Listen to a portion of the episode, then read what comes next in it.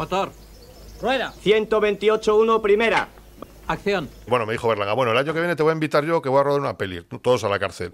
Me invitó al rodaje de todos a la cárcel, me tiré una semanita allí en Valencia, estuve de figurante, estuve viendo cómo trabajaba y ya dije, yo tengo que rodar algo también porque me gustó mucho, sin tener una formación de cineasta, sino de historiador.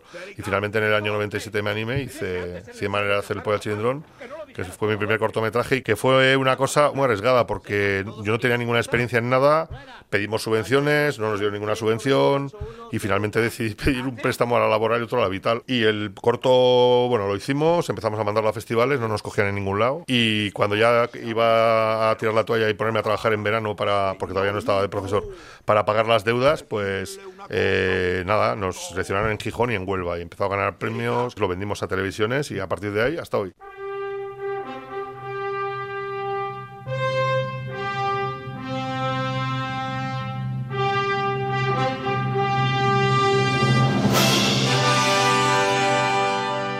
¿Es un director de cine? ¿Es olencero? ¿Es un profesor de universidad? ¿Es un organizador de festivales? ¿Es el pregonero de las fiestas de la Blanca? ¿Es un investigador? ¿Es el delantero centro del Athletic? No. Bueno, sí. Bueno, todo no, pero es Kepa Sojo.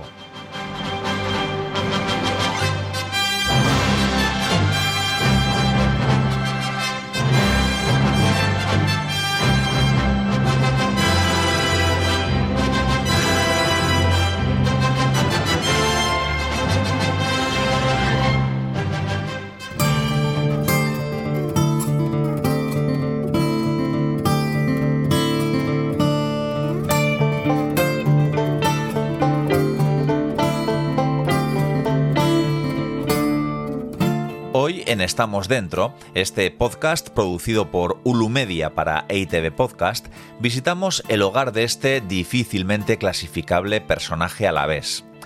El cine es la pasión que articula sus distintas facetas profesionales y su segundo largometraje, La pequeña Suiza, supuso un importante espaldarazo en su trayectoria cinematográfica.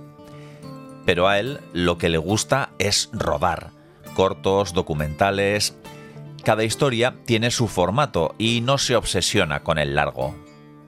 Pero como comprobaréis en la visita de hoy, rodar no es lo único que le gusta y a lo que se dedica profesionalmente que pasojo.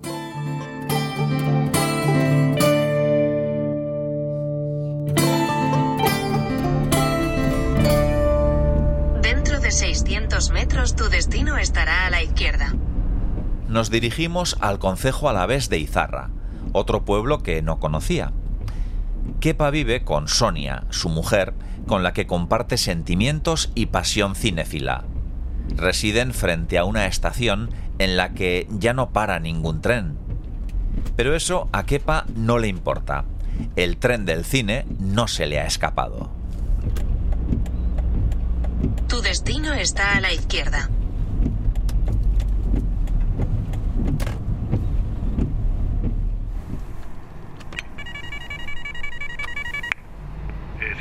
Kepa, muy buenas. buenas, John.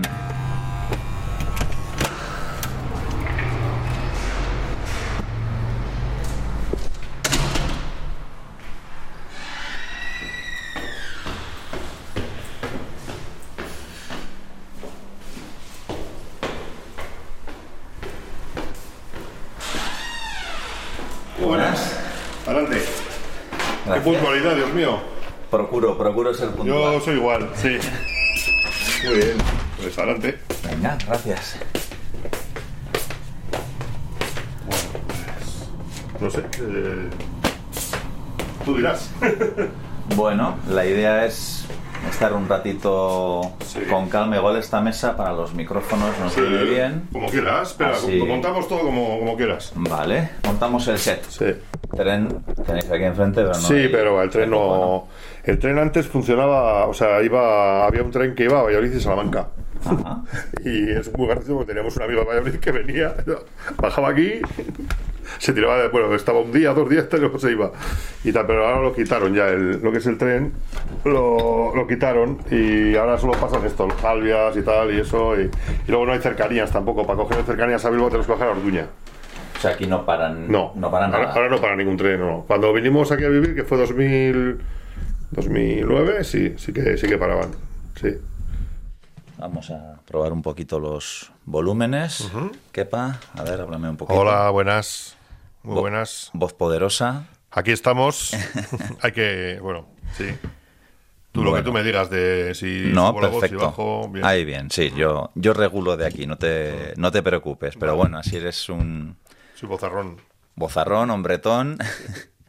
Aunque ya he oído por ahí que lo de la pandemia te vino bien para ponerte en forma, ¿no? Sí, o sea, a ver, eh, yo cogí, cogí mucho peso, cogí mucho peso con el tema del largo de las pequeñas Suiza, cogí peso, vamos, a punta pala.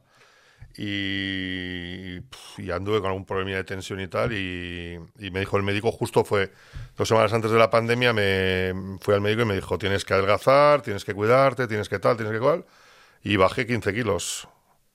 Sí, o sea, No está mal. que- sí, sí, sí, sí. O sea, que, que- que estoy potolo todavía, pero. Estoy potolo, pero estoy bien. Fuerte, O sea, estás fuerte. Sí, no, pero estoy bien, estoy bien. O sea, estoy, tengo la tensión bien. O sea, tenía una, la tensión por las nubes y, y empecé a cuidarme y, y ahora ya te digo, aunque tenga un poquito más de peso, por ejemplo, que, que el que igual debería tener, lo importante me dijo, me dijo el médico que era la tensión y, y la controlo y la verdad que sin problema. Buena tensión la de Kepa Sojo, que es nuestro invitado hoy en Estamos Dentro, o nosotros somos su invitado, porque como bien saben los oyentes, estamos en su casa y para empezar eso, agradecerle el que nos haya acogido aquí en Izarra, una Sí. localidad alavesa que yo no conocía. Sí. ¿Cuántos habitantes tiene? Pues Izarra, bueno, Izarra es la capital del municipio de Urkabustaiz, que es, que, que es un municipio que está englobado en la, en la comarca de las estribaciones de Gorbea, con Lecutiano, Aramayo, Zuya, Cigoitia eh, y, y Arrazo Barrundia, me parece que son los pueblos que componen el- la comarca. Tiene unos 1.000, 1.200, me parece que tiene, en lo que es el municipio. Porque Izarra es el núcleo que tiene unos 800 y luego el- alrededor hay pueblecitos Gujuli, Ollardo, Avecia, Abornícano, eh, Ondona, La Razcueta. Sí. Y más o menos a medio camino entre tu localidad natal, Laudio, Llodio y Vitoria-Gasteiz, que es tu centro de operaciones, ¿no? Digámoslo Sí, así. Eso es, sí, sí, sí. Yo, bueno, yo doy clases en la Universidad del País Vasco en la Facultad de Letras en Vitoria-Gasteiz, eh, en el Departamento de Historia del Arte y Música, en la carrera de Historia del Arte. Y bueno, y todo lo que realizamos, festivales, bueno, eh, la producción cinematográfica, todo eso lo tenemos en Vitoria-Gasteiz. Y luego el audio, pues es mi pueblo y sí, justo está más o menos a mitad de camino, eso es. Y también cerquita de Bilbao, que, que nada, Bilbao se llega en 35 minutos, 40 por la autopista, o sea que también, para ver al Atleti, eso también hay que... Es necesario. Eso, la, la, la vena Athletic Sale también, que en Sí. alguno de tus cortos ha tenido Sí. presencia estelar. Sí, sí, sí. Sí, no, no, siempre he sido del Atleti desde crío. Porque mi abuelo era muy forofo y me llevaba, vamos, me metió el veneno en el cuerpo del Athletic y, bueno, aparte que en el audio pf, 90% de la población es del Atleti también, o sea que aquí en Izarra estaba repartido. Hay más del Atleti que, de, que del Alavés, que también hay muchos, y luego hay alguno de la Real, pero poquitos. Pero también, bueno, hay, hay un poco de los tres equipos. Claro, ahí en el audio os asomáis más a Vizcaya, quizás, ¿no? Sí, nosotros cuando éramos, cuando, bueno, cuando teníamos 20 años nos íbamos a Bilbao de marcha, o sea, no, eh, aparte que Bilbao 20 kilómetros y tenías tren de cercanías que podías ir, eh, pues te ibas igual a las 8 de la tarde y luego podías a las 5 de la mañana había tren, 5 a las 6, a las 7, era una gozada. En cambio a Vitoria, para ir a Vitoria era un lío, había que coger autobús, eh, no había todas las horas y aparte Vitoria son 54 kilómetros y siempre hemos estado más vinculados en ese sentido, lo que pasa que luego por, yo estudié la carrera en Vitoria, y también jugué a básquet y jugábamos en Vitoria, la fase, bueno, eh, jugábamos también un poco lo que es la liga en Álava y casi todos los partidos eran en Vitoria. Y bueno, de una manera o de otra siempre he hecho mucha más vida en últimamente en Vitoria que en Bilbao. Pero bueno, es, es un poco, las dos son mis ciudades. Mm. ¿Y cómo acabasteis en Izarra? Bueno, pues estábamos, vivíamos en Laudio, eh, Sonia y yo nos casamos en 2007 y nos queríamos ir a Vitoria, pero fue el momento del boom de los pisos que estaban carísimos y al final pues decidimos, aparte que también pues nos apetecía un poco el tema de la naturaleza y tal, porque yo soy yo soy muy montañero, yo yo he hecho desde niño he sido miembro del Goicogane, de un grupo de monte del audio, de montaña, federado. Y bueno, eh, me he subido todos los montes de Vizcaya y todos los de Álava, los que aparecen en el catálogo del Centenario, que es un concurso que hay. No son todas las cimas, pero son 127, 128 por cada provincia, más o No menos. está mal. Sí, sí, muchos años también, ¿no? Y... Eso sumando todos tenemos unos cuantos ocho miles, Sí, ¿eh? sí, sí, sí, por supuesto que sí, por supuesto que sí, sí. De Guipúzcoa muchos, de Navarra también bastantes, pero sobre todo de, y bueno, y Pirineos, y tam- también hemos hecho, y Picos de Europa y tal, igual. Y, y nada, pues Izarra al final también, en ese momento también nos apetecía, nos apetecía también un poquito rollo rural, y bueno, eh, encontramos aquí pues esta, este piso y nos vinimos para acá. Bueno, eh, en muchos casos, ¿no? Hay mucha gente que en su momento los núcleos de las grandes ciudades han, han expulsado a la juventud, ¿no? Sí, sí, la verdad que sí. eh, incluso en, bueno, en el audio de mi pueblo, mucha gente se ha ido a vivir a los pueblos de alrededor porque también en el momento en que, por ejemplo, que nosotros también compramos piso, eh, era muy complicado conseguir ahí una vivienda pues, a un precio razonable. Entonces, Ocondo, Orozco, Archiniega, Yara, Respaldiza, Luyando, tal, ahí la gente ha ido mucho, mucho a vivir. Nosotros fue más un poco, nos queríamos acercar a Gasteiz, pero ya te digo, en Gasteiz estaba prohibitivo el tema y, finalmente pues decidimos venirnos aquí. Estuvimos mirando por aquí, por Cigoitia, por por Zuya, por Murguía también y así. Al final pues nos gustó, nos gustó Izarra y aquí vinimos. ¿Qué pasojo ya se ha presentado más o menos a su manera? Eh, habrá gente que no conozca su faceta como profesor, ¿no? Sí. Como profesor de la Facultad de Historia del Arte de la UPV. Habrá otros que conocerán su faceta cinematográfica como director, con unos cuantos cortos, con dos largometrajes.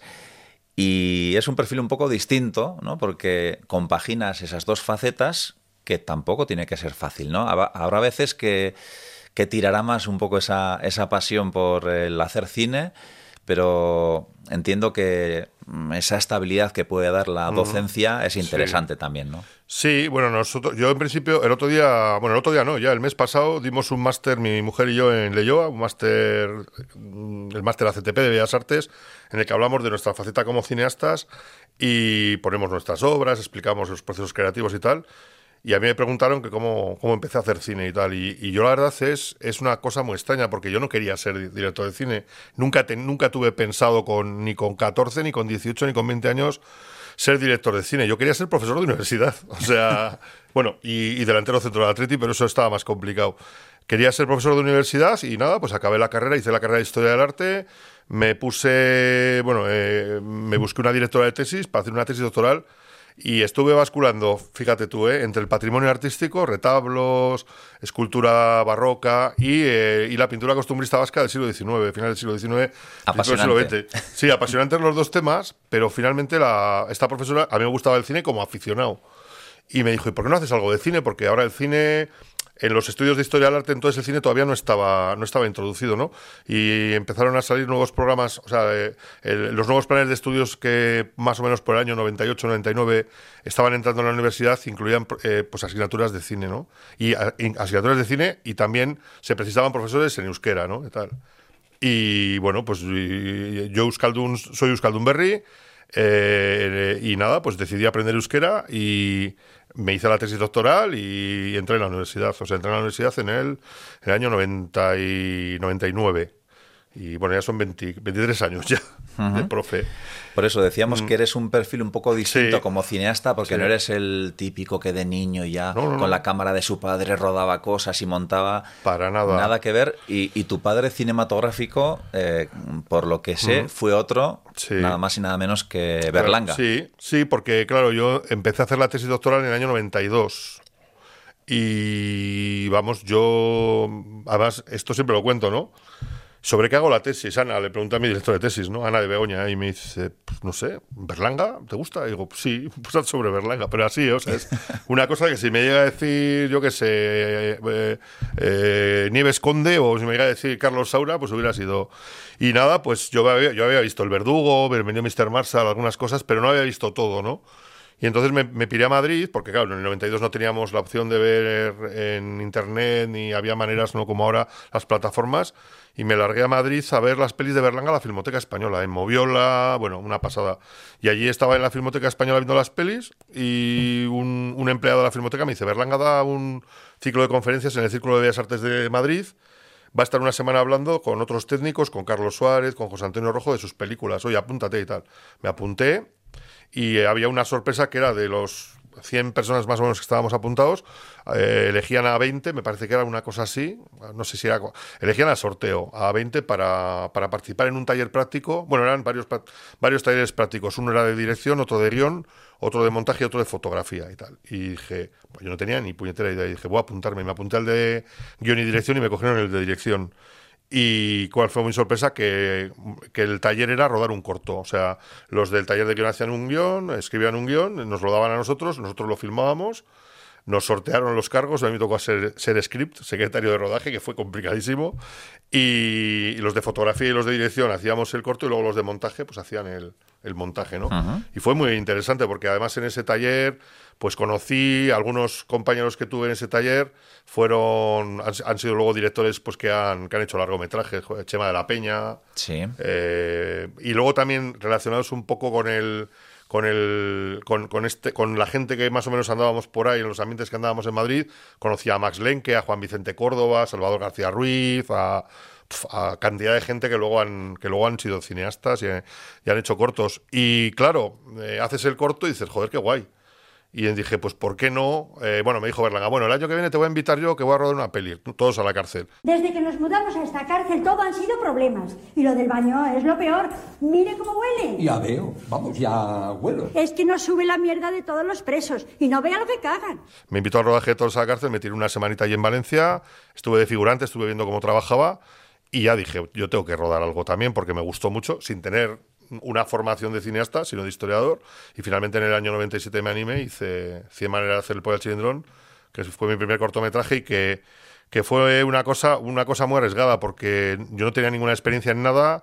Pedimos subvenciones, no nos dieron ninguna subvención y finalmente decidí pedir un préstamo a la laboral y otro a la vital, así, o sea, de lo que pues eh, que serían hoy día, pues que en, euros no lo sé, bueno, 5 millones de pesetas, ¿qué serían? Eh, 30.000 euros, más o menos, ¿no? Sí, sí. Pues 30.000 euros en dos préstamos personales eh, que me sacaban los ojos. Y el corto, bueno, lo hicimos, empezamos a mandarlo a festivales, no nos cogían en ningún lado, no nos cogieron en el de en Cinebi en Bilbao, que me llevó una desilusión muy grande porque salían los jugadores del Athletic y cuando ya iba a tirar la toalla y ponerme a trabajar en verano para porque todavía no estaba de profesor para pagar las deudas, pues eh, nada, nos seleccionaron en Gijón y en Huelva y empezó a ganar premios, empezó a ganar festivales, lo vendimos a televisiones y a partir de ahí hasta hoy. ¿Conocéis la historia de la niña de las cuencas vacías? Ah, la NCB. Casi, la NCV. Uf, yuyu. Bueno, yo paso de eso del espiritismo, ¿eh? Qué miedo, ¿no? ¿Pero qué dices, tío? Si la niña esta se aparece a alguien y hace un milagro o algo por el estilo por aquí cerca, corre la voz que hay una aparición al lado del Damasco Pub, empieza a venir la peña y nos forramos seguro, tío. ¡Qué bueno, Dios! Muy buena idea. Pero no habéis pensado en un detalle. ¿Qué cosa? Pues que habría que buscar a una tía para hacer el papel de la NCV. O sea que tu formación como cineasta fue, como quien dice, rodando, ¿no? Poca teoría y mucho estar rodando, pero además de una manera muy extraña, porque claro, yo, eh, la gente generalmente pues está en cortos con amigos, hace cortos en vídeo. Yo nada, yo el primero que hice lo fue en 35 milímetros, dirigía y producía y escribía el guion yo, bueno, con otras dos personas el guion, y es empezar arriba, entre comillas, ¿no? Es un poco pretencioso también, ¿no? Pero no sé, o sea, yo sí que tenía, bueno, una mínima experiencia, tenía unos primos de Madrid que en verano hacíamos pelis en Super 8 en verano en Laredo y así de ciencia ficción y, muy divertidas, y pero yo yo era yo estaba de actor, de bueno, de de meritorio, de, eran, eran unas películas muy... eran bonitas porque eran Sinbad y Superman y cosas así tal, hechas con pocos medios, pero con mucho encanto y tal, pero con pocos medios también, ¿no? Y bueno, ahí, fueron mis primeros pinitos en cine, ¿no? Pero ah, de repente, claro, haces ese corto sin tener ninguna experiencia, funciona, haces otro, funciona también y dices, joder, y así sucesivamente. O sea, una cosa te lleva a otra, la otra, la otra, y hasta que hicimos el primer largo. Y bueno, me llamó ETV eh, después de hacer el pollo al cilindro en el año 2000, me llamó para rodar una serie de platos sucios. Sí, y claro, me llamaron y yo, mm, cuando me llaman y me dicen, oye, que queremos. Digo, ya, pues que yo no tengo ninguna experiencia más que he rodado. Había rodado otro corto que luego se estrenó en 2002, Looking for Chencho, pero digo, pues que tampoco tengo mucha experiencia y tal. Va, bueno, no sé qué, que nos gustaría porque hemos visto tus cortos, no sé qué, nos gustan mucho y tal y ahí, ahí, me planté en, en ETV y, y, de, y, de, repente me hice una serie de 13 capítulos también que estuvo muy bien. ¡Plato! Sí, sí que salen platos, ¿eh? ¿Y de dónde salen estos platos? ¿Quién los tira? Este, desde su casa. Le doy 500 pelas a la hora y me tira los platos. Ya qué bien. Hola, chicos.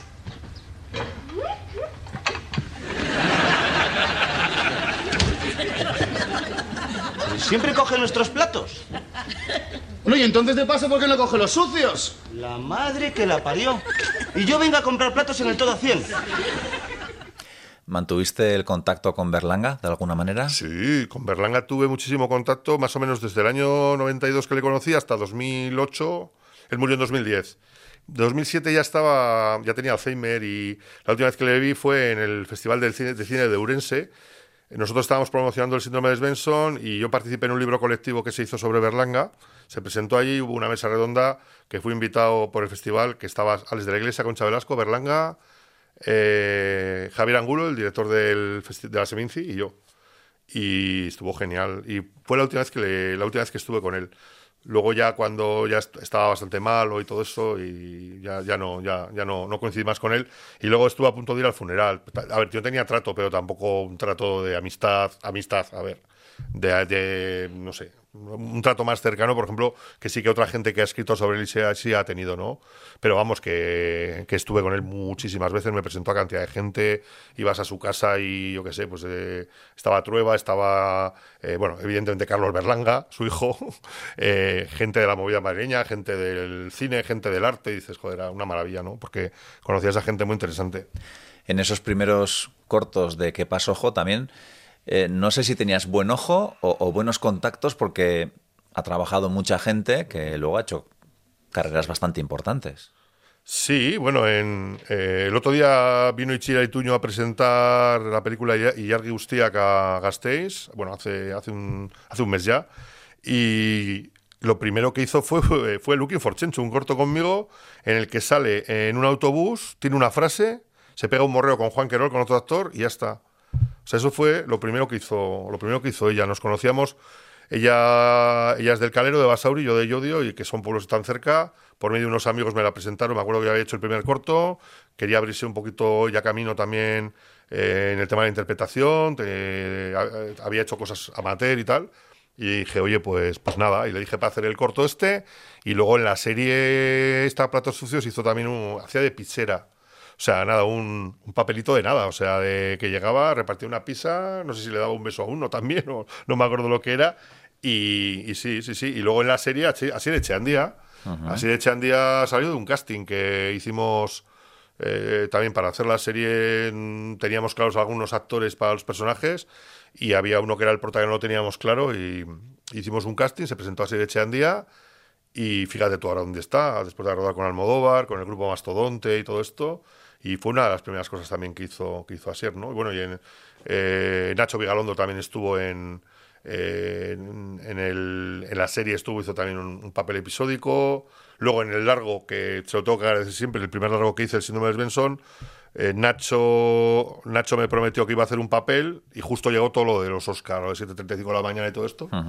Y yo dije, bueno, yo pensé, bueno, ahora Nacho que está en Hollywood y todo esto, pues no, no hará, no hará el- la peli y la hizo. La hizo, sí, sí. Y, y estábamos en un pueblo de Cuenca, y esto siempre me acuerdo, Marcelo Rubio, Pepe Sancho, Nacho Vigalondo y yo, que salían ellos tres juntos en escena y tal. Y, y Nacho Vigalondo dijo, el, el mundo del cine es increíble. Un día estás en Hollywood con Clint Eastwood, otro día estás en un puñetero pueblo de Cuenca con qué pasojo. Es maravilloso y tal. Eso, esa, esa es una frase que Pepe Sancho se empezó a reír, o sea, y Marcelo también, ¿no? Y, y no se me olvidará nunca, ¿no? O sea, por sí, la verdad es que... Bueno, y luego gente que también secunde la rosa, eh, bueno... Y se- Fele Martínez, Sí, sí. eh, Willy Toledo. Lo que es que Fele ya, Fele ya era conocido. Joder, Fele ya había hecho ya... Había hecho tesis y había hecho la película de Almodóvar, había hecho ya cuando hicimos Cuando puedas y Secunde la Rosa. Bueno, pues ya solo que sí. se animara a hacer un Sí. papel así en un Sí, corto. Sí, sí, sí. Fele somos muy amigos. Eh, estamos en contacto además. Es uno de los mejores amigos que tengo yo en el mundo del cine, así de actores y tal. Hay, hay varios, bueno, está John Plazaola, Lander Otaola, que somos, somos como casi de la familia, ¿no? Muchísima gente, Maribel Salas, eh, eh, y bueno, Secund, Secund de la Rosa, Fele, Enrique Villén, Ramón Barea, bueno, hay gente que somos, son bastante colegas, ¿no? Pero Fele es especial porque es un tío que siempre Eh, yo le llamé para hacer el corto cuando él estaba medio consagrado, vino y genial. Y desde entonces hemos mantenido, hemos mantenido el contacto y, y hablamos, no sé, cada dos, tres semanas solemos hablar y así. sí. Eh, yo he procurado verme todo lo que he podido, ¿no? Ahora para prepararme la entrevista y lo que transmiten tus películas y los cortos Sí. es que os lo habéis tenido que pasar genial. Sí, sí, la verdad que sí. O sea, yo no concibo los rodajes como algo para sufrir, ni para gritar a la gente, ni nada por el estilo, sino que todo lo contrario. Concibo los rodajes como una fiesta, ¿no? Sí que tengo que decir que, curiosamente, el corto que mejor nos lo hemos pasado es el corto que no es comedia, que es Ileta. Ileta fue, o sea, o sea, siempre lo diré, es el rodaje más maravilloso de mi vida. O sea, es- fue increíble, increíble. O sea, fue muy fácil rodar, porque rodábamos en una localización en Garrastachu, en, en una ermita en interiores, que no teníamos el, el miedo de si llueve o no llueve, además tenía que llover. Tenía que llover y tenía que hacer malo para un día que hacíamos exteriores y lo hizo y fue genial. Y el grupo de actores que había y el equipo técnico fue tan maravilloso y luego que no tuvimos ni un puñetero problema. O sea, los, las cositas típicas del día a día de rodaje, pero no hubo problemas de decir, por ejemplo, Loco con Ballesta, rodamos con 40 grados en un páramo en Maestu, en, en, un, en un pueblo de Álava, eh, que el pueblo más cercano estaba, bueno, había un pueblo muy chiquitín cerca, Sabando, pero que, que Maestu estaba a 15 kilómetros por una carretera que tardabas media hora que nos picaron los tábanos, que buah, fue complicadísimo. El- tuvimos mil problemas, mil historias, y luego resulta que es un- igual el corto que mejor ha salido, ¿no? Que nunca sabes, ¿no? El, luego también el rodaje del el señor Benson fue, buah, o sea, fue increíble. O sea, fue, no sé, mm, fue una fiesta continua. Luego la peli, nada, no funcionó nada. Y en cambio, el rodaje de la pequeña Suiza eh, estuvo bien, pero ya Em, claro, ya estás, que si televisión española, que si Netflix, que si distribución, que si tal, o sea, es más, no sé, no, no tenía, eh, había unos plazos, eh, teníamos ya fecha de estreno, teníamos, eh, teníamos que hacerlo todo un poco más, entre comillas, profesional, ¿no? O sea, mucho productor presionando. Sí, mucha presión, mucha presión y, y tampoco es que hubiera problemas, ¿no? Eh, luego me, los actores nos me decían, jo, es que este, eh, llamaban algunos actores y técnicos, llamaban a- al rodaje el balneario, porque en, estos rodajes, en otros rodajes y tal, de gente pues más dura o, o las condiciones peores y le llamaban el balneario, ¿no? Y yo, a ver, tampoco fue un sufrimiento, pero yo no, así como estoy contento con el resultado de la película y sobre todo cómo ha funcionado, ¿no? En, en, en la tele y cómo ha funcionado en Cuentaquilla, que estuvo ocho semanas y tal, el rodaje yo no, es, no lo recuerdo como una felicidad absoluta, porque yo también tenía un, tuve un problema que fue que ese mismo año me te- eh, salió mi plaza de funcionario en la universidad. Ah. Tuve que preparar la oposición. Estaba preparando la oposición Elegí mal día para dejar de fumar. y la película. Escogí el peor día para dejar de beber.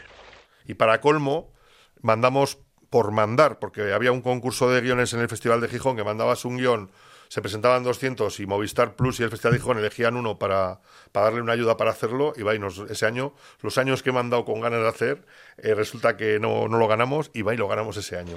Escogí un mal día para dejar los tranquilizantes. Y tuvimos que rodar el corto, creo que fue el rodaje del corto fue junio, junio, julio, la oposición en septiembre y el rodaje de la película en octubre.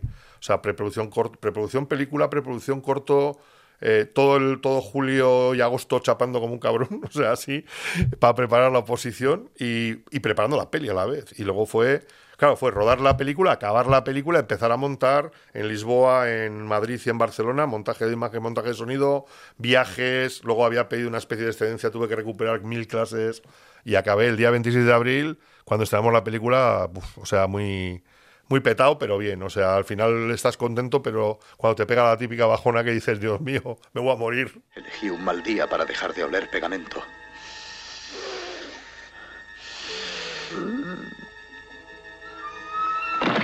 Decía, ¿no? Que qué pasó, ojo, es un perfil distinto eh, por compaginar docencia y dirección, producción, guion, todo lo que, lo que pueda abarcar, pero también porque es un cineasta que a pesar de haber hecho largometrajes, no ha renunciado a los cortos. Ha seguido haciendo cortos, también documentales. Sí. Y en ese sentido, bueno, pues eh, creo que entiendes que cada historia tiene su formato, su medida, y si la historia te gusta, adelante, ¿no? Sí, luego además los cortos lo que tienen, tienen una cosa muy buena que es evidentemente que nos los producimos nosotros, entonces hacemos lo que nos da la gana, ¿no? Y entonces, pues, eh, cuando hicimos Loco con Ballesta, hubo gente que nos decía, jo, es que estos solo saben hacer comedia, es que siempre hacen lo mismo, es que no sé qué. Entonces decidimos hacer Ileta, adaptación de un clásico de Dreyer eh, haciéndolo a la vasca, con ribetes de género fantástico y tal.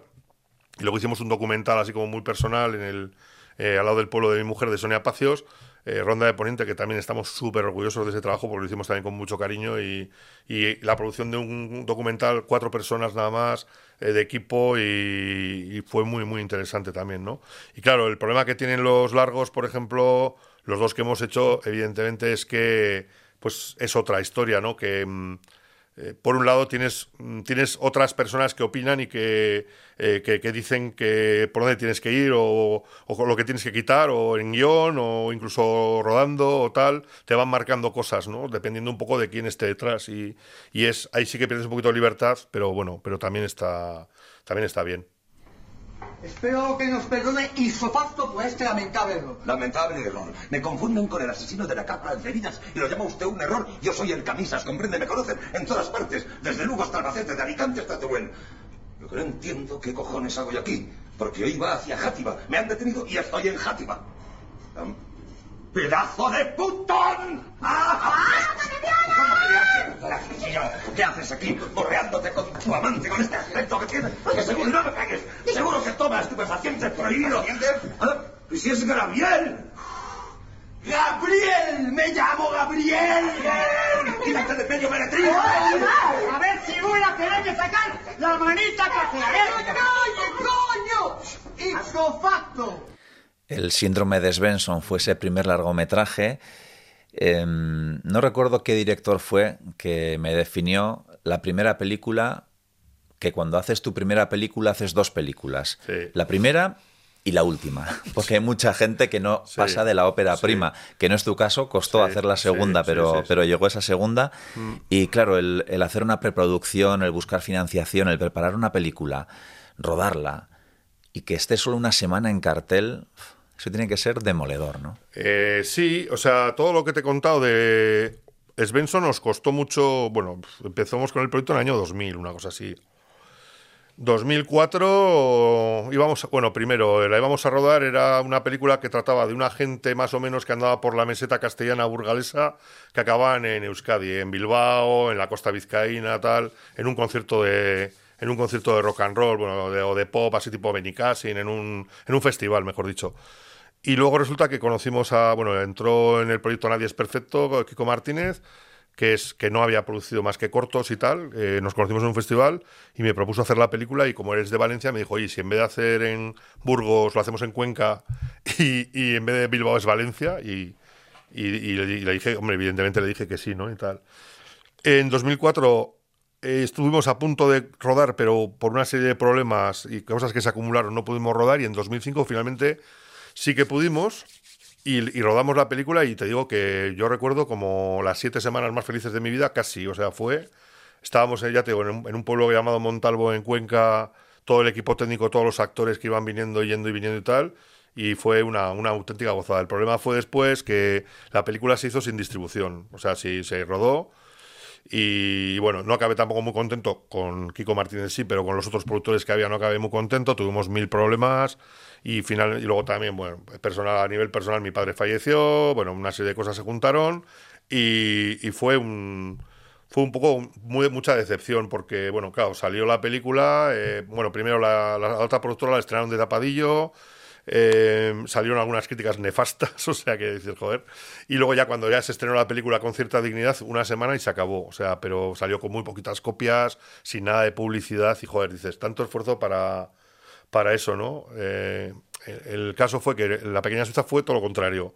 Porque salió con, con unas, eh, con una cantidad de copias alucinante, se estrenó en toda España, estuvo en todos lados y ya te digo, fueron ocho semanas, ocho semanas en cartel, funcionó súper bien y luego, joder, los pases que ha habido, por ejemplo, el síndrome de Benson se pasó en televisión española en la 2 a las 2 de la mañana un día y en cambio el- la pequeña Suiza se, pasó en, en prime time y la vieron, la vieron 1.450.000 espectadores, una cosa así, una burrada, ¿no?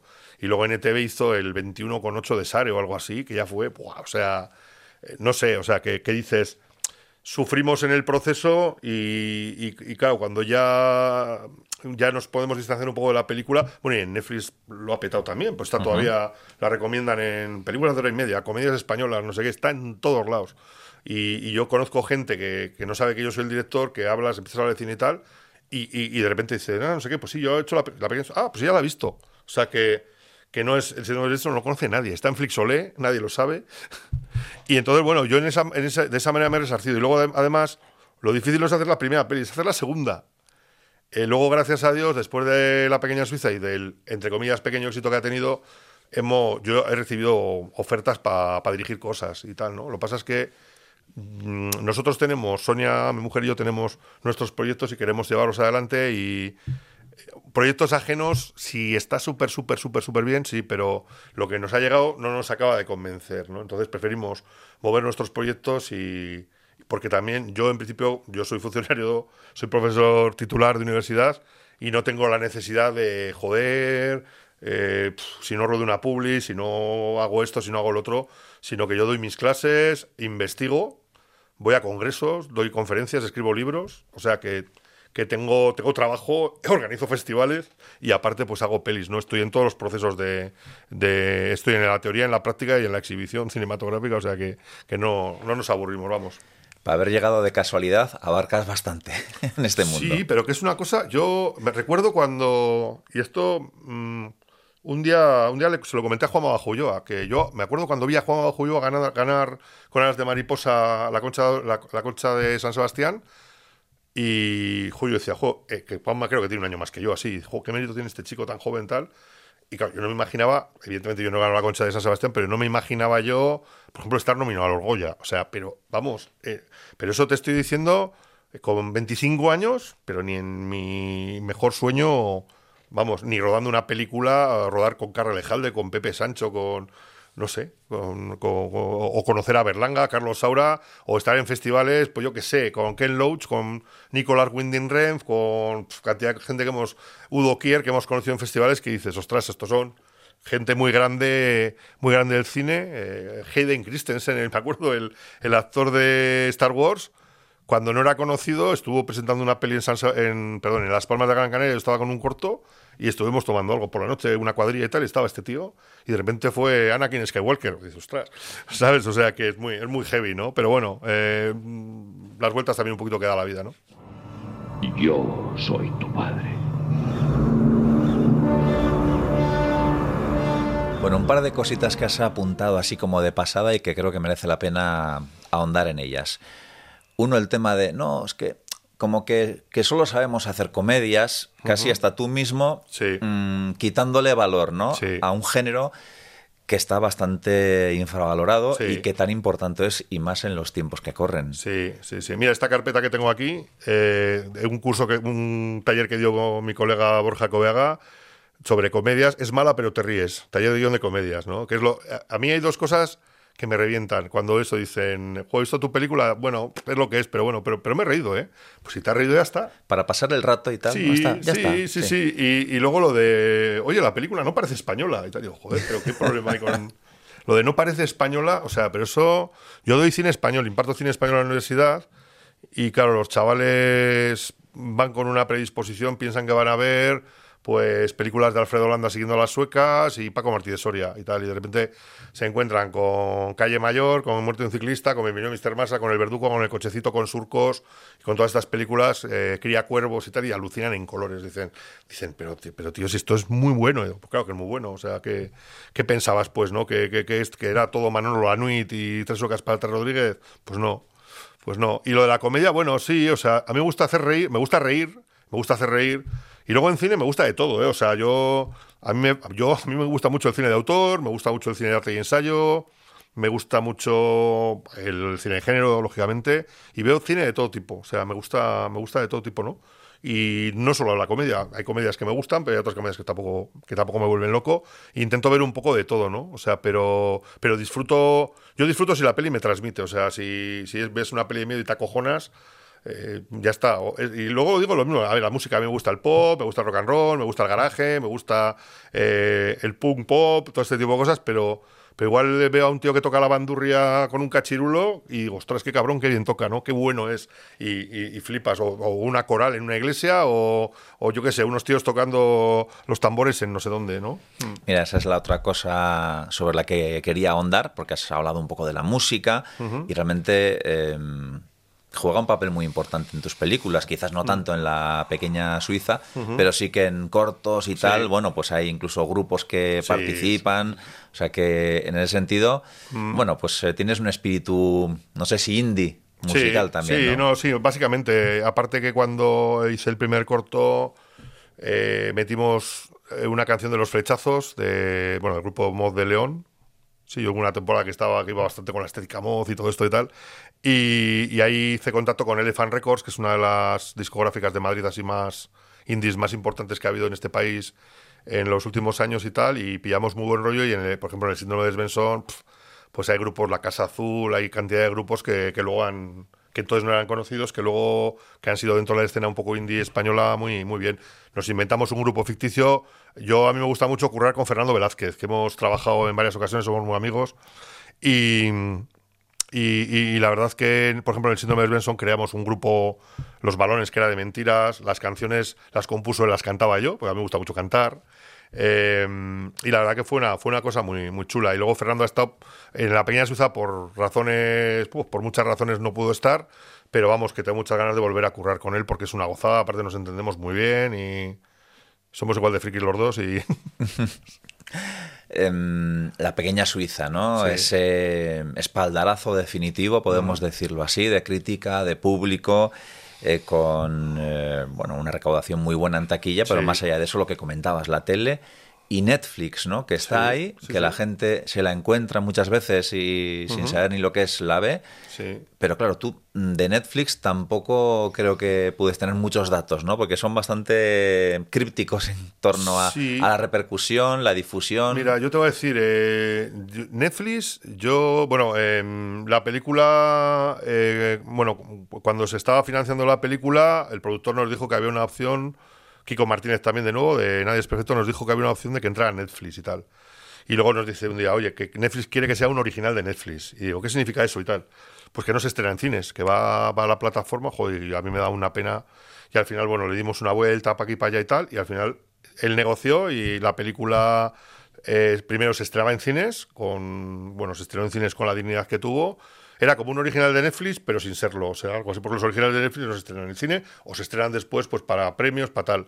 Y, y luego nos pusieron ya fecha. Es que fue muy heavy, porque claro, 26 de abril de, 2010 de 2019 se estrenó en cines y 16 de agosto de 2019, día de San Roque, fiestas de Yodio, se estrenó en Netflix. O sea, y ya, eh, o sea, fue la leche, ¿no? Porque claro, al estrenarse en Netflix también eh, empezaron a aparecer críticas extranjeras, la empezó a ver gente en todos lados, o sea, una cosa que es como que la globalización esta, bueno, incluso hacíamos el chorra poniéndole, eh, poniendo la película en portugués, en italiano, porque estaba en todos los idiomas, o sea, muy, muy heavy a todo lo que llega. a la- y luego funcionó muy bien. Todavía no hacían lo de lo, eso que ponen como el ranking de los 10 primeros, cómo van y eso, pero nos dijeron que estuvo tres semanas muy arriba. O sea, y yo es que, claro, luego al, al- la persona de Netflix que era el interlocutor de, del productor lo conocí en una fiesta que, ah, mira, este es que pasó, joder, de la película Pequeña Suiza, el tío estaba bailando con unas tías y dijo, y me dijo, ah, hola, ¿qué ¿qué tal? Encantado. Oye, que voy a seguir bailando. Pues siguió bailando y ya está. O sea, no, si le veo por la calle ni me acuerdo. O sea, se fue todo tu contacto con todo, Netflix. todo- todo mi contacto con Netflix fue ese, sí, ¿no? Pero bueno, ahora sí que mm, lo bueno que tiene el haber hecho esta película con Netflix es que si vamos con un nuevo proyecto, eh, la- ha estado en Netflix esta película y ha funcionado. Ya te digo que está todavía, que pones la interfaz este y tal y te aparece que si eh, las películas de media hora, películas, comedia española, no sé qué, tal, aparecen cosas. Digo, joder, que, que ha pasado tiempo y todavía aparece. Y lo mejor de todo que pone a mí, eh, me pone a mí afinidad con la película del 58%, una cosa así. Digo, pero si la he hecho yo. no puede ser. Sí, me pone afinidad igual el 95% con Madres Paralelas. Digo, pues no sé, tampoco me ha gustado tanto. O sea, no sé, es, es muy curioso, ¿no? Eso, ¿no? De, de, de los lo- algoritmos y todo esto. Bueno, y decías, ¿no? Que te daba pena el que no se estrenara en salas. Tienes aquí en casa una pantalla bien grande de Sí, televisión. Sí, sí, sí. Pero todavía eres uno de esos románticos, ¿no? Del eh, cine en la sala, sala oscura, pantalla grande. Hombre, por supuesto, el cine hay que verlo en la sala. Yo, mira, lo malo que tiene el cine aquí, eh, por ejemplo, bueno, yo en este pueblo tenemos cines aquí en Echevarri Viña, bueno, en Vitoria, bueno, luego también está cerca, la VO, que es que, claro, a mí me gusta ver las películas en VO, obviamente, y sí, lo que voy siempre es a, a películas españolas de que de amigos y tal, voy al cine sí o sí. O sea, eh, aunque luego soy académico del cine español y tenemos un canal que se llama Beomac, que podemos ver todas las pelis, ¿no? Para votar a los Goya y todo esto y tal. Pero digo, no, la veo en el cine y luego si eso la vuelvo a ver en, en Beomac, ¿no? Y soy romántico, pero además, bueno, que luego te enseño que tengo, tengo 5.000 pelis. Ahí va. Sí, sí, y te enseño la base de datos también, que es muy curiosa. Una base de datos que, que he estado haciendo en DVD, Blu-ray, sí. Y las tengo aquí en las estanterías que hay aquí, bueno, y libros, y pff, esto parece un bazar, un bazar chino parece esto, ¿no? y, y sí, sí, sí, aparte que paso muy buenos ratos. O sea, mira, ahí tengo, por ejemplo, eh, un pack de Hitchcock y algunas otras pelis que compré hace poquito, porque ahora ya el DVD y esto está, el Blu-ray está un poco en de, desuso, aprovecho cuando cierran videoclubs o tiendas o tal y cual. Me suele comentar gente, ¿no? Oye, que van a cerrar en no sé dónde y ponen las películas pues, a 2, 3, 4, 5 euros y tal y, y, y- y sigo comprando, aunque tengamos todo, todo ahora en, en esto, ¿no? En, en las plataformas y tal. Bueno, el otro día me pasó una cosa muy extraña. Yo eh, bueno, participé en un grupo de investigación, yo he investigado cine escandinavo, hice un libro, un libro, El Norte pide paso, 50 películas para entender el cine escandinavo, con una editorial de, Bar- de, Barcelona, la UOC, Universidad Oberta de Cataluña, y para hacer este libro me fui a Dinamarca, a Copenhague y a, y a Estocolmo, a las filmotecas sueca y danesa, pues a ver películas. Yo quería ver películas que no fueran las típicas, sino intentar investigar películas pues que estuvieran, que fueran un poquito, que hubieran sido igual importantes para esas cinematografías, pero que no fueran conocidas en España, aparte de las de Berman, Dreyer tal, ¿no? Y hay una película que es una versión de Ordet de Dreyer, que nosotros homenajeamos en Ileta, que es eh, Ordet de Gustav Molander de 1943 y, yo- me la vi en Estocolmo en suecos y subtítulos porque no había otra manera, no estaba en ningún lado y el otro día haciendo el tonto en Netflix de repente la encuentro en Netflix, o sea, porque digo, va, es una peli como muy de filming, ¿no? Y de, y de repente encuentro esa y encuentro que hay, eh, o sea, la Filmoteca Sueca re- ha restaurado no sé cuántas películas suecas de los años 30 y 40 y están todas en Netflix. Tócate las narices, o sea, o sea me estoy metiendo unas panzadas de, de cine antiguo sueco que, que me encanta, vamos. Ya subtitulado en este sí, caso, sí, ¿no? subtitulado, claro. Y, hombre, había cosas cosas que eh, cosas que no, que no entendía. A ver, eh, la película Ordet está basada en una obra de teatro de Kaimun que me he leído y la película de Dreyer no es tan fiel a la obra original como la de Molander. Entonces, sabía de que sabía que pasaba.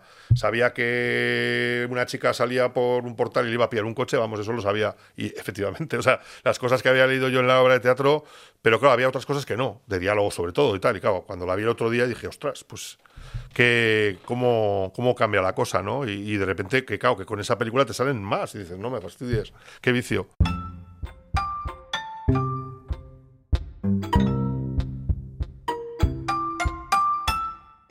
Hacemos una pausa en la charla para visitar esa mediateca que con tanto cariño y dedicación ha logrado recopilar Qué pasojo. Como nos decía hace un momento, casi 5.000 películas concienzudamente ordenadas. La casa es así como muy, muy nuestra. O sea, no sé, bueno, este es otro despacho, el despachito donde aquí curra Sonia, tiene aquí está otra tele. Está todo lleno de fotos de, pues eso, de nuestras, tal. Y luego esto es la colección de pelis. O sea, es todas estas estanterías, todo eso. Hay 5.000 pelis. 5.000 pelis. Sí, más o menos. Y claro, ya, ya vamos por la... Sí, por número 4.900... Sí, andan por ahí, sí. Los que tenemos en otro lado y todavía algunas que nos quedan por, por inventariar y tal, ¿no? Y claro, organizadas pues como en una biblioteca. Porque... Sí, sí, sí, no, aparte que te cuento, eh, bueno, luego te enseño, te enseño ahora en el ordenador la base de datos, es una base de datos cojonuda, o sea, que, que, que bueno, que, que dices, eh, ostras, eh, Viva Wolves y tal, y miras y pone 4700 tal, pum, vengo aquí y ya está, o sea, sé dónde están más o menos situadas todas, ¿no? O sea, que... mm. Veo que está Ordet, que no Hombre, podía faltar. Por supuesto, sí, sí, sí, sí. No, hay cantidad de cosas y hay cosas muy chulas. Hay... He comprado pelis también en el extranjero, pelis descatalogadas. Luego tenemos cantidad de catálogos de festivales que hemos estado. Eh, bueno, libros de arte, de cine, sobre todo hay 200.000. Sí, sí, sí. Algunos, bueno, aquí algunos festivales que hemos, que hemos organizado. eh, bueno, el, el póster de Isidro de son aquí. fotos, algunas fotos de la familia eh, y, y libros también, pues aquí también. Nosotros cuando compramos la, la casa, eso, quitamos lo que es las puertas, eh, o sea, de aquí había una puerta y había otra para montar estantería y, y para poder traer libros sobre todo, ¿no? En esa pasión cinematográfica tienes eh, una compañera no solo de vida, porque tu Sí, mujer también sí. es, bueno, pues eh, trabaja contigo, tenéis la productora Sí. y, bueno, mm, compartir esa pasión tiene que ser bonito, ¿no? Es bonito, pero es agotador. es agotador porque eh, nosotros, bueno, yo doy clases y ella también, porque da clases a- a- en au- aulas de mayores de 55 en la Diputación Foral de Álava y en, en ACAEXA, que es una asociación que hay de, de alumnos de, también mayores de 55 en la UPV. Y da- da- damos los dos historia del cine. Eh, luego, eh, bueno, a, a los festivales los organizamos juntos, escribimos juntos los guiones. No siempre, ¿eh? o sea, alguna cosa he escrito yo solo, o ella, o tal. Ella ha producido a otra gente, eh, pero ahora lo que nos queremos centrar es en la dirección y dirigir juntos. Dirigimos Ronda de Poniente en 2017, nos gustó Ujú. mucho la experiencia. Y luego, por ejemplo, La Pequeña Suiza, ella era productora, era co-guionista, pero también estaba conmigo en rodaje. Y yo siempre le pregunto a ella cantidad de cosas, porque, mm, aparte porque, lo primero porque es una persona muy inteligente y porque es un referente para mí, ¿no? Y, y entonces, joder, un día decía, oye, pues, pues que yo creo que deberíamos dirigir juntos y tal. Y ella decía, bueno, ya, pero no, pero tal, porque no sé qué, porque no sé qué. Yo, no, no, pues vamos a dirigir juntos. Entonces, los proyectos que tenemos ahora nuevos, vamos a, vamos a, vamos a codirigir, como los hermanos Cohen, pero casados. O algo así, siempre decimos un poco la chorrada, ¿no? Mm, luego habrá que ver cómo se desconecta del trabajo en casa, que es más complicado, ¿no? Sí, sí, pero bueno, hay una manera fácil que es, eh, bueno, eh, bueno, yo estoy aquí en este, en la, habitación esta que estamos, que es un salón con una tele, que pa- aparte de ver pelis es para ver partidos de fútbol y baloncesto también. Y luego hay, otro, hay un despacho donde, pues, yo eh, al principio trabajábamos los dos en cuando estábamos en casa, en el despacho que hay dos mesas, pero al final decidimos, mira, yo me vengo al salón. Ella está allí, ella está a su rollo, yo estoy al mío, ella se ve sus cosas allí, yo me veo las, las otras, nos juntamos para ver cosas, porque si no es muy complicado. Eh, hemos hablado largo y tendido ¿no? de esa faceta como cineasta de qué pasojo, pero tenemos la otra vertiente que, que ha salido, que ha aflorado en algún momento, eh, la docencia, profesor de universidad. Claro, no de cine, sí de historia del cine, pero para alumnos que están estudiando historia del arte. Efectivamente. Es decir, no es gente que quiere ser cineasta. Eso es. Pero no sé si has tenido algún alumno que ha sido su berlanga para él. Eh, sí que he tenido. mm, Bueno, eh, yo empecé dando primero, o sea, eh, empecé haciendo sustituciones en Bellas Artes, en Leyoa, y paradójicamente ha habido gente que estudió conmigo, con lo- o sea, que estudió conmigo, no, que fueron alumnos míos, eh, que han trabajado luego conmigo dos eh, tres directores artísticos. Eh, Coldo Jones, que fue el director artístico bueno, de mis primeros cortos y de, y de La Pequeña Suiza. Mario Suances, que también estuvo en La Pequeña Suiza. Y, y Idoia Esteban, que, joder, que hizo conmigo Ileta y que ha hecho Art de Madrid y que, bueno, ha hecho la película Pieles de con Eduardo Casanova y tal. Y, o sea, gente que, que, que- que muy bien, ¿no? Y luego sí que he tenido algún otro alumno que al final mm, gente que ha empezado a trabajar en producción, echando una mano, no sé qué, que al final ya, ya están haciendo pues jefaturas de producción y tal, pero gente que estudia historia del arte, pero que han cogido también un poco el, el gusanillo, que nos han hecho una mano en rodajes o, o tal. Y luego Sonia y yo damos eso, el máster ACTP de arte contemporáneo, tecnológico y performativo, que eso sí que es para gente eh, que se matricula gente de Bellas Artes que quiere ser o hacer Bellas Artes o, performance o no sé, eh, arte contemporáneo desde diferentes ópticas. Ahí sí que hay gente, eh, hay una alumna a la que estoy dirigiendo la tesis doctoral, por ejemplo, que, que ha empezado a hacer cortos también y que ya está rulando por festivales y, y ahí sí que vemos un poquito más el, el- un poco la relación con esto. Pero claro, yo historia del arte, yo dirijo tesis de historia del arte, pues yo qué sé, sobre los, las coproducciones entre España e Italia en los años 50, sobre el terrorismo en el País Vasco, en, en el cine, o sea, eh, sobre la distribución cinematográfica, o sea, sobre los temas más variopintos que, que podamos, que podamos ver, ¿no? Pero claro, yo me imagino que tu asignatura, con todo el respeto, tiene que ser un poco asignatura María, ¿no? En, en la carrera. Vamos, que, que la gente irá y, y disfrutará mucho, Sí. Pero tampoco es así de las más No, potentes. la carrera tampoco es muy difícil. O sea, es una carrera, es una carrera historia del arte. Sí que hay algunas asignaturas que son más, entre comillas, coñazo, como teoría del arte, metodología de historia del arte, pero Luego, más o menos, se estudia, bueno, se estudia la historia del arte desde los, desde los orígenes hasta la actualidad. Hay at- asignaturas para mí muy atractivas, ¿no? Luego hay profesores muy buenos, por ejemplo, de barroco, de renacimiento, de, de últimas tendencias, de arte contemporáneo, de vanguardias. Y luego también yo soy eh, yo doy cine, yo imparto cine y luego también un profesor de música. O sea, música y cine son como un poco como las diferentes, ¿no? Eh, pero claro, eh, es historia del cine al final, o sea, es el desarrollo de la historia del cine.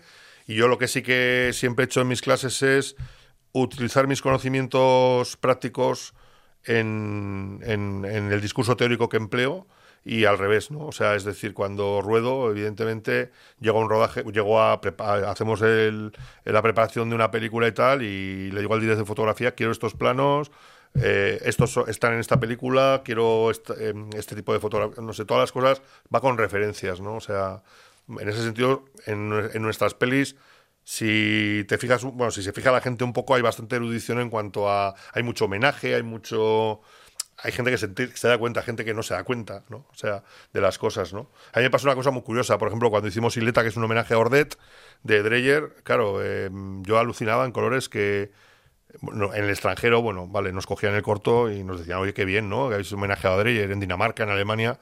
Pero en España decían, oye, ¿cómo se os ha ocurrido la idea? Y digo, pues hemos homenajeado a Dreyer. ¿A quién? O sea, en festivales de cine nos decían. digo, no me fastidies, que no conocéis.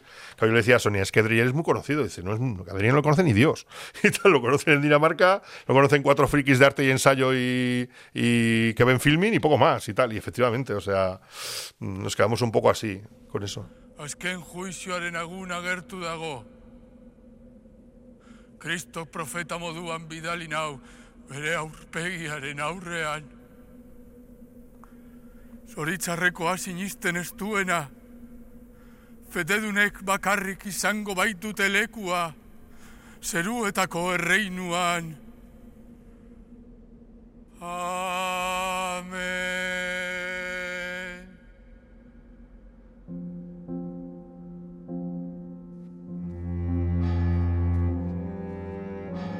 Otra faceta, decías, ¿no? Que abarcas un poco todo, la exhibición, Sí. los festivales y también eh, con ese amor por el corto, ¿no? Muy Sí. vinculados a- al cortometraje, que al final eh, gran parte de su vida, y eso lo has vivido en tus propias carnes, es gracias a los festivales. Sí, el cortometraje tiene dos, dos vías un poco de salida. Bueno, ahora también está la red, eh, está internet y tal, ¿no? Pero prácticamente es, es eh, circuito de festivales, intentar ganar premios y luego ventas, ¿no? Ventas a televisiones. Ahora, bueno, con las plataformas está habiendo una especie de renacimiento, ¿no? Cuando yo comencé eh, entre Canal Plus y Televisión Española que hacía programas Pasiones Cortas, Metrópolis, que te compraban los cortos, ahí había bastantes opciones. Bueno, ETV también solía comprar y bueno, había, había opciones, ahora hay menos, ¿no? Pero bueno, los festivales es que mm, ya fue lo último, o sea, empecé a seleccionar para un festival, luego me llamaron para, bueno, hubo un festival aquí en Gasteiz que se llamaba NEF, el New European Film Festival, que em- empezó el mismo año que Sevilla, de cine europeo, que era muy parecido. Eh, vinieron eh, pues, María de Medeiros, vino Jorge Dresler a la inauguración a tocar, Michael Nyman, eh, eh, Dominique Deruder, bueno, una eh, constelación de famosos españoles y, e internacionales, Cristo Zanussi, o sea, trajimos a gente muy, muy curiosa y tal. Eh, Jacoba Normal, me acuerdo, de Toto el Héroe, joder, o sea, pues unos directores de decir, ostras, o sea, gente que para mí eran ídolos, ¿no? Y al tercer año se acabó. O sea, había un gobierno en Vitoria de un partido, eh, de un partido conservador, entró uno de un partido de izquierdas y se cargó el festival. Y, y- y fueron tres años que dije, joder, pues me gustaría seguir, ¿no? Y hubo la oportunidad de, bueno, de montar un festival en Amurrio, Begivistan, de, de cine vasco, que estuvimos en dos etapas, primero cinco años y luego dos. Cinco años, luego también hubo un cambio político y no quisieron seguir con el festival, pero luego los que hicieron el cambio político nos pidieron recuperar el festival, lo recuperamos, pero ya nosotros estábamos en otras cosas y no pudimos seguir. Y luego estuvimos en Cortava, que es un festival, bueno, que es que estuvimos 12 años en Gasteiz y que también eh, queríamos hacerlo el festival más grande, internacional, y por múltiples razones no había posibilidad. Y hemos montado un festival nuevo de la mano de Vital, Vital Cucha, de Fundación Vital Cucha y del Ayuntamiento de Vitoria Gasteiz, que se llama ICOF Gasteiz, el Festival de, eh, Internacional de Cortometrajes de la capital de Euskadi. Y, y nada, pues eh, bueno, se celebró ahora hace poquito y muy bien, muy contentos. Va a ser a partir de 2023 concurso internacional de cortos. Este año hemos hecho, hemos cogido cortos premiados en Oscars, en Cannes, en Venecia, en Sundance, en festivales en Cinevi, al cine, Aguilar de Campo, festivales españoles también importantes, Clermont-Ferrand, etcétera. Joder, es una- una- un, un lujazo tener esos cortos, aparte del concurso pues, con los mejores cortos eh, nacionales y vascos de- del año.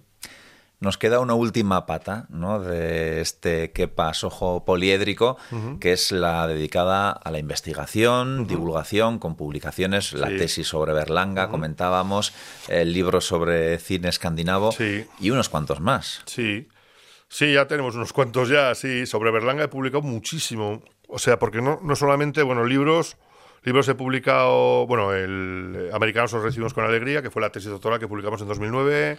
Una guía para ver y analizar el verdugo con Nau, Nau y Octaedro, con una editorial de Barcelona, que son unas guías didácticas para alumnos de comunicación audiovisual y tal, que es un análisis ex- exhaustivo casi plano por plano de, de la película El Verdugo y estoy preparando ahora el de Plácido también, o sea que el del cine escandinavo, eh, 50 películas para...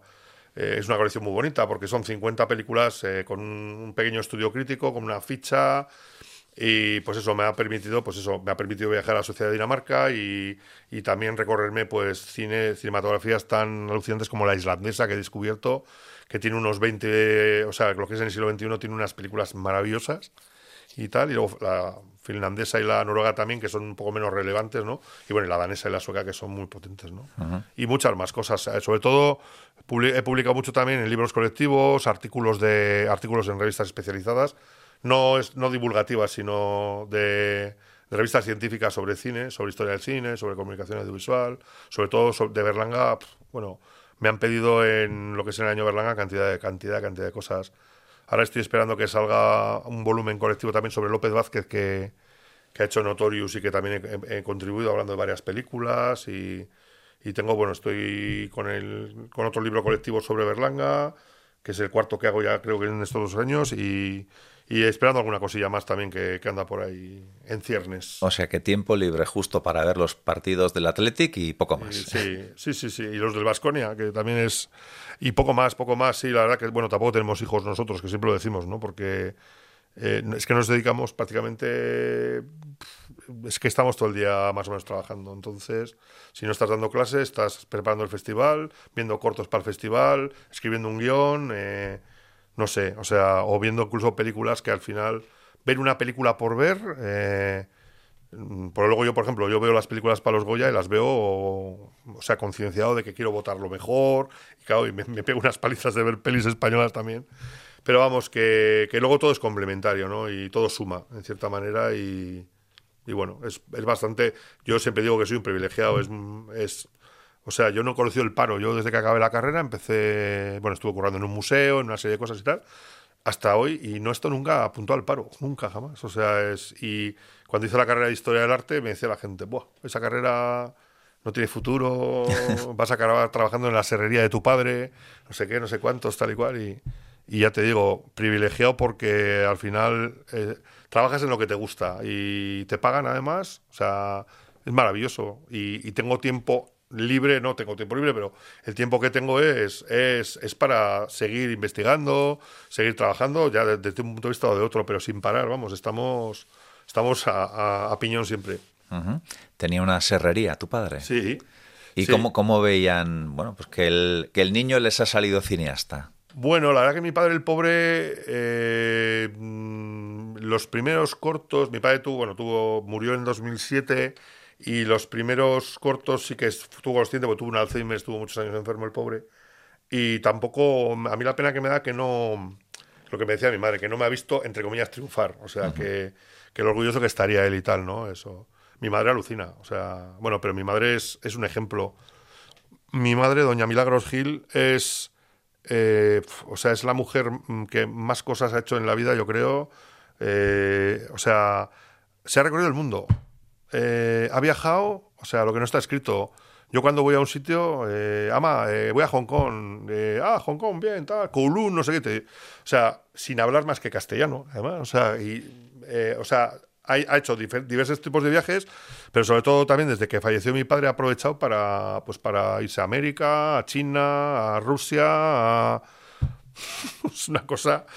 eh, cantar en dos corales, eh, bueno, aparte de tener seis hijos, que somos seis nosotros, más eh, diez nietos, se puso a trabajar también, bueno, de, auxiliar de clínica, enfermería y tal, bastante mayor. También trabajó de secretaria de joven. O sea, una, era un torbellino. O sea, y luego mi padre tenía una cosa muy buena, que era mi padre de Baserri, de Oquendo, de un pueblo de Alo de Llodio. Una persona sencilla, pero tenía una cosa que es que leía mogollón. Y eh, tenía el Quijote, lo tenía en la mesilla y se lo había leído muchas veces.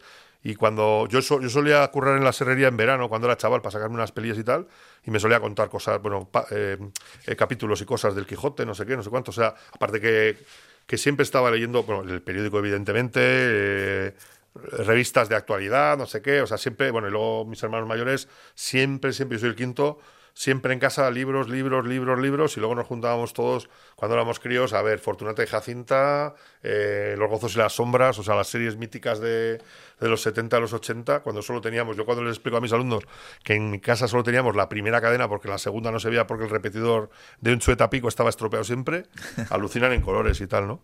Y entonces siempre ha habido, y luego los primos estos con los que hacíamos las pelis en Super 8, pues eran cinéfilos, otro, uno, uno dibujaba cómics, otro, otro acabó trabajando en la industria de Hollywood haciendo efectos especiales, o sea, mi primo Robert- Roberto de Palma, que, que eso, que la gente le dice a ver si es primo de, de Brian de. Palma, y- o sobrino y dice, no, soy primo de qué pasojo. y tal, ¿no? Que bueno, que de Palma Tellería, bueno, por, por ah, primo segundo, pero... Pero bueno, y todo eso hace que, aparte de, de buenos profesores también y gente como esta profesora Ana de Begoña, que me impulsó a. No es que solo me impulsara a hacer cine, sino. a perdón, a, a investigar sobre Berlanga, sino que cuando hice mi primer corto no tenía el dinero suficiente. Pedí préstamos y me dijo, yo te, yo te presto dinero. Y me prestó, me prestó una suma bastante considerable con la intención de que mientras ella viviera no lo dijera a nadie. Entonces, cuando falleció, desgraciadamente falleció, eh, lo dije a los cuatro vientos. Y siempre que me entrevistan, y siempre digo, Ana de Begoña, gracias por, por haberme. Y a Berlanga, a Berlanga más por el empujón.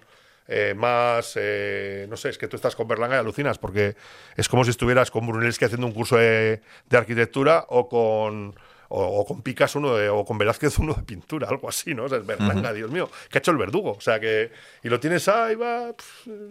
como, no sé, con Berlanga he tenido mil, mil anécdotas muy divertidas también. Una vez me dejó encerrado en... Él tenía una especie de, de camarote donde... Bueno, camarote sí, en eh, un ático donde tenía pues una biblioteca tremenda y unas cosas súper chulas y mm, cantidad de programas de mano de películas, no sé qué. Bueno, la colección me, me llamó mucho la atención. eh, colecciones de revistas eróticas que Sí, que era un erotómano Erotómano, reconocido. Sí, de, sobre todo de tema de tacones, de pies, de no sé qué y tal. Y dices, joder.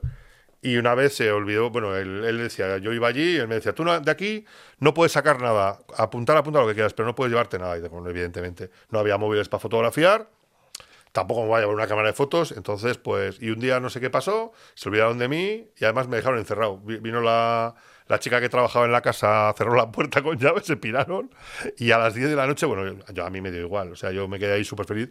Claro, de repente llega, ostras, que estás aquí, tío, ¿no? Y perdona, no sé qué y tal. Y, y, y de repente, ¿estarás muerto de hambre? Y digo yo, "Mm, sí. Y, apareció con una cerveza y un bocata de jamón, berlanga, que fue muy gracioso. Sí. Hablemos de, ya para finalizar, de próximos proyectos. Decías, después del éxito de la pequeña Suiza, Sí. eh, has tenido ofertas, pero bueno, Sí. prefieres eh, centrarte en algo más personal. Eh, bueno, sí, sí, tenemos, a ver, tenemos un proyecto, bueno, tenemos un proyecto de serie eh, que se titula Los Amigos de Mínguez y estamos desarrollándolo y tampoco puedo decir mucho. O sea, va muy bien, muy bien encaminado el proyecto, la verdad, y yo creo que, vamos, en breve podremos dar noticias ya un poco... Pero vamos, que va encaminado y sería una serie para rodar aquí en Euskadi y, y estamos muy contentos con él, porque es un proyecto muy chulo. Y hay con canal o plataforma detrás ya. Eh, sí, pero no, no, no, no, Bueno. no puedo decir nada. Con, con saber que ya está vendida, Sí. no como, como Sí. la primera peli, ¿no? Sí, Que le hicisteis sí, sí, sin- sí, sí, sí. Sí, a ver, todavía hay flecos y cosas, pero más o menos está encaminado. Está encaminado y yo creo que va a salir. O sea, vamos, esperemos, toco madera. Y luego tenemos, tenemos dos, un largometraje que se titula De luz y de color, pues que llevamos con este largo 10 años o así, no sé ni cuánto tiempo. O sea, an- antes que... Este es anterior, o sea, cuando hicimos la Silver Benson, empezamos a desarrollar este proyecto, que ha tenido varios títulos, y que... Y, y estamos con él y, y moviéndolo por productoras, cadenas, tal y cual. Y queremos hacerlo porque es muy chulo, muy chulo. Pero fíjate lo que son las cosas, que luego surgió la opción de hacer la pequeña Suiza y este quedó relegado. Y tenemos también otro proyecto más también de peli y eh, también eh, el, de luz y de color está, el proyecto está ya, o sea, está hecho. Y luego el otro estamos acabando, o sea, el guion estamos en una cuarta, quinta versión. Y, pero, pero vamos, tiene buena pinta también y ya igual sale antes porque antes que, que de luz de color porque también nos han bueno hemos sondeado y tal en sitios y parece que interesa también bastante O sea que- Bueno, o sea que la tercera película y la segunda serie Sí, de ¿Qué sí, pasó, Jo? sí. no se van a espaciar tanto en el tiempo como la primera y la segunda. No, pero bueno, luego es que parece como que no haces nada, ¿no? Porque claro, yo hice eh, la peli, rodé en 2005 el síndrome de Benson y, y luego Loco con Ballesta es de 2013, o sea, son ocho años, pero claro, la película la estrenamos en 2007, dos años más tarde, el síndrome Benson. Y, y luego, ya te digo, eh, y, y Loco con Ballesta, en 2010-2011 empezamos ya con el proyecto. O sea que tampoco son tantos años, que parece que sí. Y aparte estábamos con más, con más cosas, ¿no? Y, pero La Pequeña Suiza también, eso, rodamos en 2018, que estamos en 2022, que son cuatro años. Eh, estrenamos en 2019 y, y, hombre, pues esperemos, yo espero este año a ver si para verano, otoño, rodar algo ya. Porque tenemos ganas también y, y nos lo pide el cuerpo. Y una pena que no haya llegado Sonia, que también Sí. nos hubiera gustado saludarla sí, como sí, partner in crime, ¿no? Tuya. Sí, sí, sí. Ahora, ahora me estaba llamando, no sé está, si está viniendo o qué, o... Bueno, pues nada, igual todavía, todavía la pillamos. ¿Qué pasó, Jo? Un placer, muchas gracias por acogernos aquí en, en tu casa, en tu estudio de trabajo, en bueno, este rincón donde surgen tantas buenas ideas y a defender la comedia también, que, Claro que sí. que falta hacer. Hace falta. Muchísimas gracias a vosotros.